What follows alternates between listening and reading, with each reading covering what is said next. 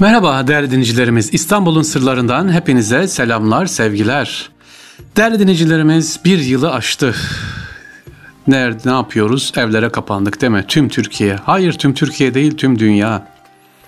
Bir karantinadır gidiyor, bir pandemidir gidiyor, bir tam kapanma, yarım kapanma, kısmi kapanma gidiyor. Ben bugün sizlere İstanbul'da acaba karantina nasıldı? İstanbul'da durum nasıldı? O konuda biraz anlatmak istiyorum. İstanbul ilk defa ne zaman tanıştı derseniz karantinayla özellikle e, İstanbul'da hastalık yok muydu? Veba, kolera bunlar çok önemli hastalıklardı. İstanbul Osmanlılar'da ilk defa karantina uygulaması 1835 yılında Çanakkale'de başlıyor efendim.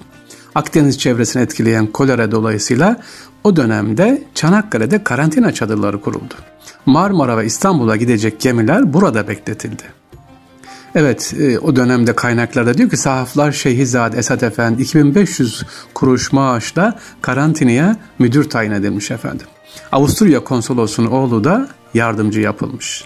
Neden? Çok önemli. Çünkü Avrupa'ya buradan eğer dikkat edilmezse, İstanbul Boğazı'na dikkat edilmezse hastalık nereye yayılacak? Avrupa'ya gideceği için Avrupa'da destek veriyor, gidiyor.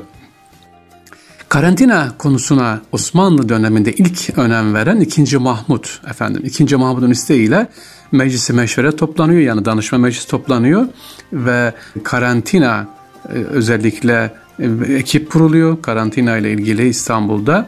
Şeyhülislam Mekkizade Asım Efendi tarafından da karantina uygulamasının caiz olduğuna dair de fetva veriliyor. Şimdi sıkıntı da buradan başlıyor. Bakın bir hastalık var, kolera var. İşte veba var değil mi? Bu hastalık insanları götürüyor. Öyle 100-200 değil 500 bin kişi gidiyor sevgili dinleyiciler o dönemde. Ama fetva alınıyor. Yani insanlar bakın karantinaya karşı çıkıyorlar. İşte bir cehalet. Fetva var. İlim adamları, din adamları diyor ki aman dikkat evden çıkmayın. Aman dikkat temizliğe riayet edin diyor. Padişah da ferman buyuruyor, sık sık geziyor, kendisi de söylüyor ama buna rağmen yine ne yapıyor? e, karantinaya uymuyor efendim. O dönemde kolera İstanbul'un korkulu rüyası. İkinci Mahmut dönemi dedik. Karantina usulüne dair bakın Osmanlı'ya belki eleştirirler. Ne yapmışlar? Küçük broşür yapmışlar. Ev ev o broşürü dağıtmışlar efendim. Koleraya karşı neler yapılması gerektiğine dair. O zaman tweet yok, internet yok, işte Instagram, Facebook yok ama ev ev dolaşılıyor. Evlere küçük bir kağıt broşürler halinde koleradan kurtulmak için neler lazım geleceğine dair bir sayfalık. Tek bir sayfalık. Ve birinci maddesi nedir? Bu risalede esas önemli olan e, karantinanın haram olmadığına dair bilgi ve temizliğe dikkat edilmesine dair bilgiler yer arıyor. Karantinanın faydaları var nedir? İnsanlara dikkat ettikleri takdirde gelecek neslin daha sağlıklı olacak, daha devam edeceğine dair de o dönemin köşe yazarları diyeyim kanaat önderleri sokak sokak geziyor, camilerde vaaz veriyorlar. Karantinaya dikkat edilmesi noktasında. Takvim Vakayı var gazetemiz. Takvim Vakayı gazetesi İstanbul'da çıkan karantinanın faydaları hakkında da yazılar yazıyor. Sevgili dinleyiciler. İkinci Mahmut demiştim ben. Evet ikinci Mahmut özellikle ne yapıyor? Bugünkü ticaret odasının olduğu yerde hemen onun yanında Hidayet Camii var. Aslında orası Melek Geçmez sokaktı sevgili dinleyiciler. Hidayet Camii'nin olduğu sokak adı hala bugün de öyledir yazar. Ee, eski böyle bilirler orada esnaf Melek Geçmez. Neden? Çünkü hastalığın olduğu yer e, böyle o dönemdeki gayri resmi işlerin olduğu bir yerdi orası artık içki diyeceğim işte çeşitli kötü işlerin olduğu yer. İkinci Mahmut kolera salgını başlayan ilk olarak o sokağı temizliyor ve Hidayet Camii yapılıyor. Oraya bir mescit koyuyor.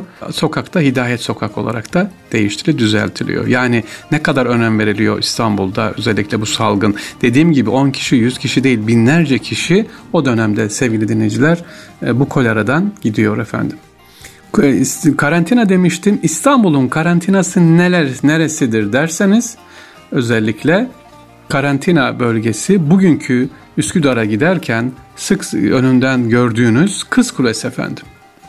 Evet Kız Kulesi İstanbul'un karantina merkezidir. Yani hasta olanlar oraya götürülür, orada karantina edilir. Bir de şunu söyleyeyim, karantina, karantina diyorum. Ne demek karantina? 40 gün demek aslında İtalyanca, Latince bir deyim. 40 gün ya da işte belli sürelerle orada ne yapıyor? Tecrit ediliyor. Halkın içerisinden e, uzakta tutuluyor. Bugünkü dediğim gibi Kız Kulesi'nin olduğu yer. E, başka var mı İstanbul'un karantina noktaları nerede var? İşte tabii Biladi Selase ve Boğaziçi. Ne demek Biladi Selase? Eyüp Sultan tarafı, Fatih, Suriçi ve Üsküdar. Buralarda karantina bölgeleri ne yapılıyor? Kurulmuş. Galata'da Kurşunlu Mahzen özellikle e, bugün yere batan yeraltı cami dediğimiz cami var ya orası Kurşunu Mahzen olarak biliniyor. Gemilerin karadan boğazdan geçerken İstanbul'dan dikkat edildiği yer karantinaya alındığı yerde bu taraf bir taraf Çanakkale bir tarafı da hemen bugünkü Karaköy'deki yeraltı cami orada efendim. Karantina uygulaması hakkında Osmanlı Devleti'nde uzman kimse bulunmadığından Avusturya'dan uzmanlar istiyoruz efendim. İmzalanan kontrat ile Osmanlı Devleti'nde karantina nizamını yürütmek üzere bu konuda özellikle Osmanlı çok üzerinde duruyor. Doktorlar, e, hasta bakıcıları, teknik ekip geliyor. Karantinayı nasıl iyi yaparız diye. Yani ne kadar bakın o dönemde üzerinde duruyoruz. E, şimdiki Sağlık Bakanlığımızın çalışmalarında tabii elhamdülillah Allah daim etsin. Şimdi diyeceksiniz ki sadece İstanbul'da mı karantina? Hastalık çıktığı zaman İstanbul dışında ilk gidilen ekip nereye gönderiliyor? Hicaz karantinası. Evet 125 karantina noktası var Osmanlı'da. 511 kişi çalışıyor. İstanbul'dan sonra nereye gidiyor? Hicaz bölgesine gidiyor. Mekke Medine'ye gidiyor. Orada da karantina için çalışmalar yapılıyor. Osmanlı'nın Mekke, Medine, Hicaz'daki önemi de e, öz verdiği önemde burada ortaya çıkıyor efendim. Osmanlı'da bir karantina geçtiği zaman ne yapıyor? Her mahalle bir kurban kesiyormuş efendim. Her mahalle şükran olarak Allah aman şükür bu hastalık kolera illeti bitti diye kurban kesiyor. Ayrıca e, burada tabi ne de var? E, cuma namazlarında özellikle en dikkat edilen nokta şu. Temizlik, temizlik. Osmanlı'nın en çok üzerinde durduğu e, hijyen konusunda yani sağlık, temizlik konusunda kullanılan maddelerin hayvan kesimi, tavuk kesimi bunlar ve çarşı pazarda alışverişler. Temiz noktası ve her yerde ne var? Her sokağın başında karantina dönemlerinde yani pandemi dönemlerinde her sokağın başına ne konuyor sevgili dinleyiciler? Bir kova, bir teneke dolusu kireç. Neden? E, akşam saatten herkes de gittikten sonra, el ayak çektikten sonra onlar ne yapılıyor? Sokaklar tek tek kireçleniyor. Bu her gün mü? Her gün yapılıyor. İşte hijyen, işte İstanbul'un karantinaya verdiği, pandemiye verdiği önem sevgili dinleyiciler. Başka e, Osmanlı döneminde ne var? İkinci Mahmut dediğimiz başlamıştık ama Abdülhamit Han çok önemli çalışmalar yaptı bulunuyor. İkinci Abdülhamit Han Osmanlı Devleti'nde Meclisi Tehaffuz adıyla 1881'de bir Hıfzı Sıha Komisyonu kuruyor efendim. İkinci Abdülhamit Han. Ve bu tür hastalıklara karşı, kolera hastalıklarına karşı neler yapılması gerektiği konusunda en üzerinde duran ikinci Mahmut'tan sonra ikinci Abdülhamit Han.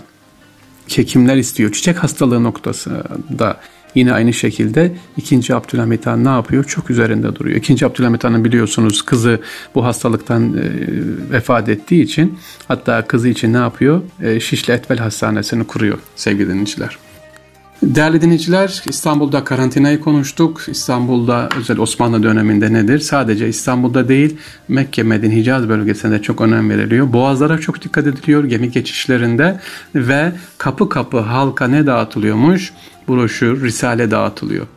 Din adamları özellikle kanaat ödenleri de mahalle mahalle gezerek karantinaya dikkat edilmesi bunun da en önemli noktasında temizlik olduğu. Bugün de öyle değil mi? El yıkayacağız, maske takacağız değil mi? Ve mesafe. O zaman da öyle. Halka diyor ki evden çıkma, temiz tut bahçeni ve kireç dağıtıyor. Bugün nasıl maske dağıtılıyorsa o dönemde de kireç dağıtılıyor efendim. Ha su, kaynamış sular çeşmeden alıyorsun, kuyudan alıyorsun diyor ki suyunuzu kaynatarak için deniyor o dönemde. İstanbul'da tabii böyle atlatıldı. Manevi boyutu nasıldı sevgili dinleyiciler? Özellikle e, Kur'an kursları, medreselerde, işte Sıbyan mekteplerinde derse başlamadan önce ne yapılıyor? Dua yapılıyor. Allah'ın bu illetin bizden, ülkemizden, vatanımızdan kaldırılması için diye kalkınca da her mahalle kurban kesiyormuş şükür olarak.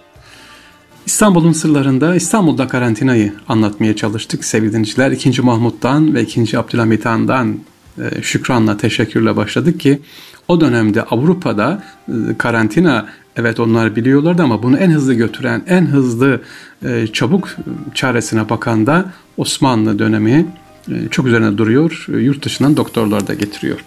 İnşallah sevgili dinleyiciler Rabbim bu illetin, bu mikrobun ülkemizden, tüm dünyadan gitmesi noktasında yardım etsin, ihsan etsin inşallah.